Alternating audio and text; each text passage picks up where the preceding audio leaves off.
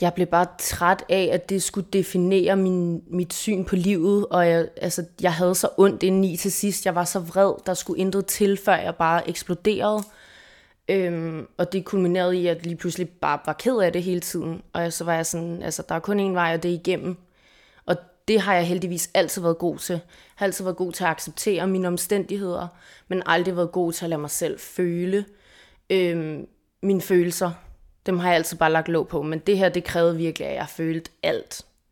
Alt smerten. Og det har været en rigtig sej kamp. Du lytter til spejlet.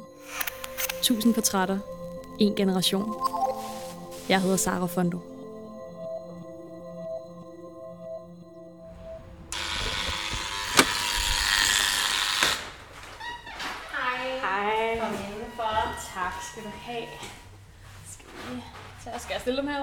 Nej, med med. Vi har før oplevet, at nogle Er skulle der nogen, der derude. Hej. Pæk, goddag. Jo, tak, jo, Tak. Det er bare herinde. Det er herinde. Jeg har gjort det lidt hyggeligt. Ja. Ej, har dufter godt. Lidt lavendel. Øh, jeg har gang i her. Ja, ja. Nej, hvor rart. Jeg har lidt forskellige te. Jeg ved ikke om... Uha. Øhm, hvad var den gule der? Var det noget... Øh... Ja, Den tager vi. Ja, jeg elsker ingefær. For noget tid siden, så skrev jeg til Sofie på Instagram. Jeg havde scrollet igennem hendes profil og var blevet nysgerrig på alt det spirituelle, hun viser frem der. Men det skulle vise sig, at det er mere end bare en interesse for hende.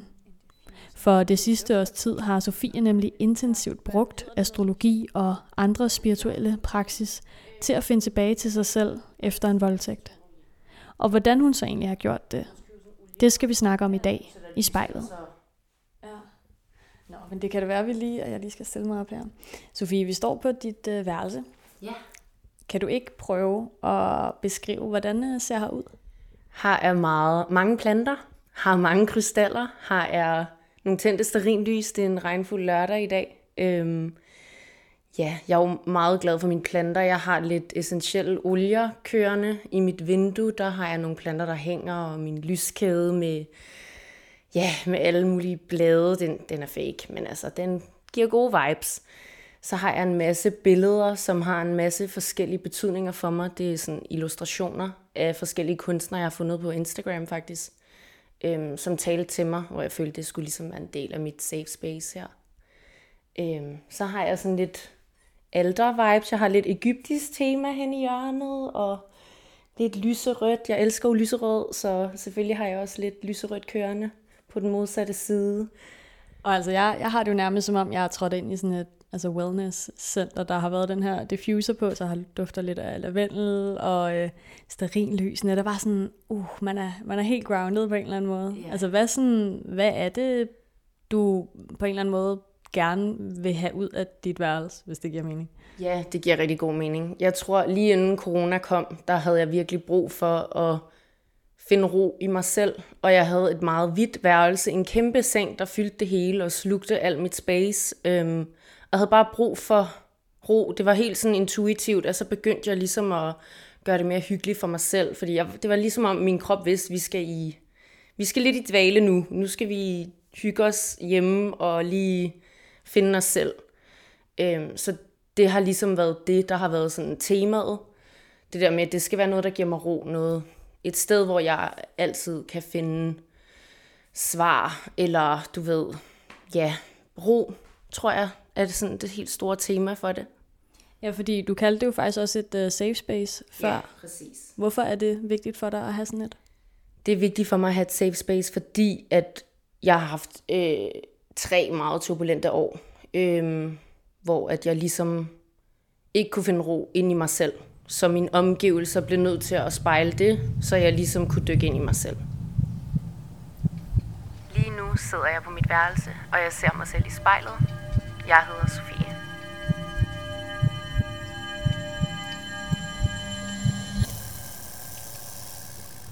Sofie, nu har vi øh, sat os ned på en øh, yogamåtte på gulvet, og du har lavet en dejlig kop te til os. Og det, der skal ske nu, det er jo, at øh, du skal i spejlet.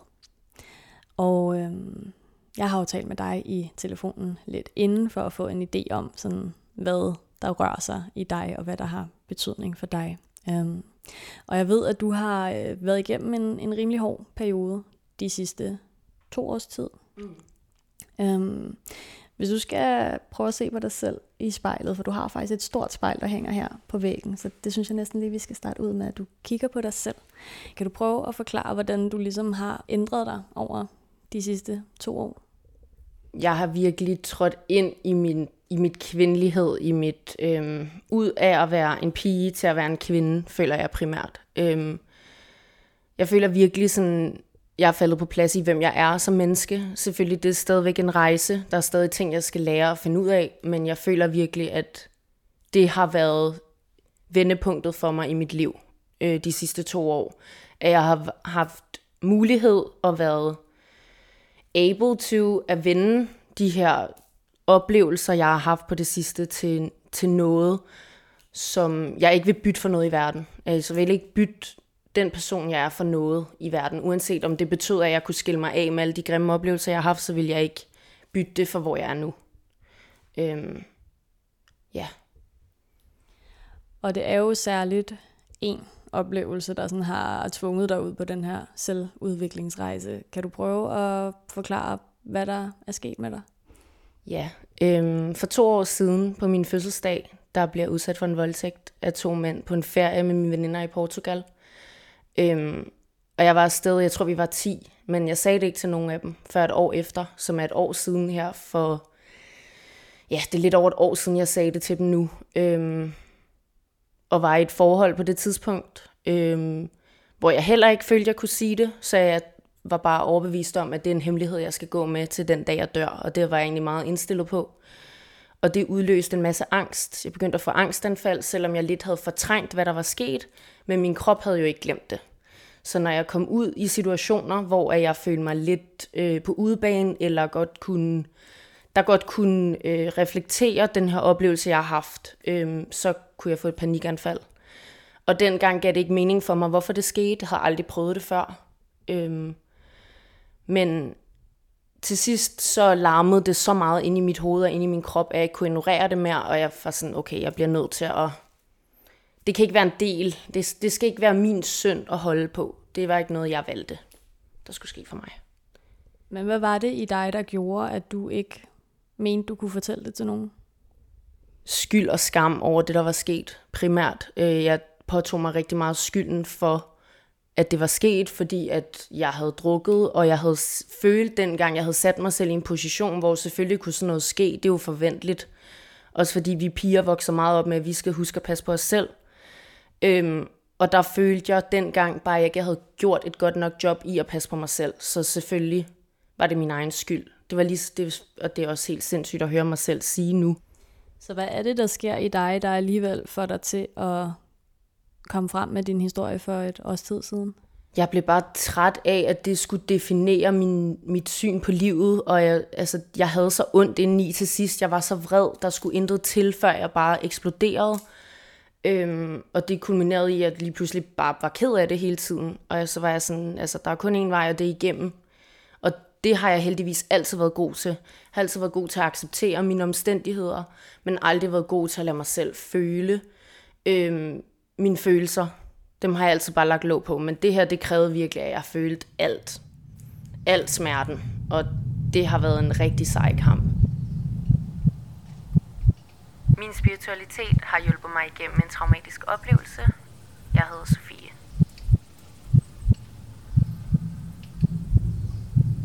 Ja, fordi altså, jeg ved, du har fået noget, noget professionel hjælp, noget psykolog og traumebehandling, men du har ligesom også gjort en masse ting for dig selv. Øh, jeg ved blandt andet, at øh, altså, astrologi har haft stor betydning for dig undervejs. Hvordan har det kunne hjælpe dig? Det har kunne hjælpe mig på en måde med at forstå mig selv og forstå verden på en eller anden måde, og forstå andre mennesker omkring mig, fordi når man begynder at rive op i en traumatisk oplevelse lige pludselig, så finder du ud af, om så er der også det her med min far, og så er der også det her med min ekskæreste, så er der, du ved, det, det spreder sig lidt, Øhm, og det har været et rigtig godt redskab for mig til at forstå mig selv først og fremmest. Hvorfor jeg er, som jeg er. Hvorfor jeg søger dybde i alting. Og hvorfor intet rigtig kan føles sådan dybt nok for mig. Altså jeg har sådan en attachment til, at ting skal være rigtig dybe. Til at forstå det aspekt af mig selv og arbejde med det. Og ligesom også kunne ja, finde tilgivelse for mig selv i den måde, man ligesom forstår verden på, at ja, meget af det også kommer fra barndom, og nu, nu er det lidt ud over astrologi, men det har været et redskab sammen med andre værktøjer, kan man sige. Du, øh, du sagde, du kendte dit fødselshoroskop rigtig godt. Mm. Øhm, hvis man bare sådan helt, ja, sådan, altså objektivt set kigger på det, altså hvad, hvad fortæller det så om, hvem du er? Det fortæller, nu er jeg løve i, øh, i stjernetegn. Jeg er født under løvens tegn, så det vil sige min solplacering er under løven, min ascendant er skytten, og min måne er i vandmanden. Ens måne er ligesom, hvordan man håndterer sine følelser. Og at jeg har den i vandmanden betyder, at jeg har et rigtig rationelt forhold til mine følelser. Jeg kan godt sætte mig på den anden side af mine følelser og være sådan, okay, det her, det er jo, altså før i tiden tænkte jeg meget om mine følelser, sådan, det er en kemisk ubalance i min hjerne, tag det roligt. Så det har også været en kamp for mig at lade mig selv føle dem, og lade mig selv være ked af det. Men det har også været et redskab i, at jeg ligesom har kunne holde min jordforbindelse og sådan, okay, det her det er ikke permanent. Det er bare en periode. Det definerer ikke, hvem jeg er, eller hvem jeg bliver på den anden side af det her. Øhm, så det er helt sikkert en af de placeringer, man kan kigge på og sige, okay, det har været en hjælp for mig i at komme videre. Det der med at kunne have et rationelt forhold til mine følelser, og betragte dem, i stedet for at blive consumed af, af dem. Så hvad føler du er det vigtigste, du har lært på den her selvudviklingsrejse om dig selv? At uanset hvilken kamp jeg får, så er jeg stærk nok til at tage den. Fordi det var virkelig noget, da jeg så det her i øjnene, jeg har været udsat for, jeg var meget i tvivl om. Øhm, fordi det endte jo ud i selvmordstanker og det ene og det andet. Rigtig dyb depression. Øhm, hvor meget af det har været så dybt, at jeg ikke kan huske det længere, fordi min hjerne bare har lukket ned i den periode. Øhm, men helt sikkert det her med, at der er ikke noget, jeg ikke kan. Der er ikke en kamp, jeg ikke kan klare. Det handler bare om, at jeg husker mig selv hele vejen. Og have mig selv med. Og giver mig selv plads til at føle og mærke og gå igennem en proces. Og bare husker, at tid med tiden kommer solen og blomsterne, eller blomsterne og træerne springer ud, og det her, sådan, ja, det er nok det vigtigste, jeg har taget med mig. Og hvilke sådan andre værktøjer har du brugt? Jeg er jo meget spirituel, så jeg læser tarotkort, jeg går op i astrologi, som vi har talt om. Øhm, jeg mediterer meget. Meditation har virkelig hjulpet mig meget i forhold til min angst. Øhm, det der med at huske at være til stede i nuet, og ikke være ude i fremtiden, ikke være i fortiden, men det der med at være her og nu. Hvad kan du mærke? Hvad kan du se? Hvad kan du lugte nu? Så man ligesom kan finde jordforbindelsen igen. Fordi når man har angst, så kan det stikke helt af op i hovedet på en. Øhm, og det gjorde det også for mig. Så det har helt sikkert været rigtig vigtigt værktøj. Og du nævnte tarotkort. Ja. Yeah. Hvad går det ud på? Det er jo nogle kort, øhm, som mange altså, jeg tror, at sådan den generelle konsensus omkring, hvad tarotkort er, når man ikke er bekendt med det, er det her med, at man kan øh, spå fremtiden. Men du kan bruge tarotkort til at læse energier, øhm, og det har jeg brugt rigtig meget. Også til at tøjre min angst, faktisk. Øhm, jeg har taget rigtig godt kursus igennem en amerikansk kvinde, øhm, som ligesom har lært at forstå symbolikken i de her kort, som det korresponder også rigtig godt med astrologi. Der er meget, der går igen, som det jo er med symbolik. Øhm, så det har jeg brugt rigtig meget til ligesom at holde egentlig jordforbindelsen, selvom man ikke skulle tro, at det gør, at man holder jordforbindelsen, fordi det er meget spirituelt, og det er meget woo, ikke?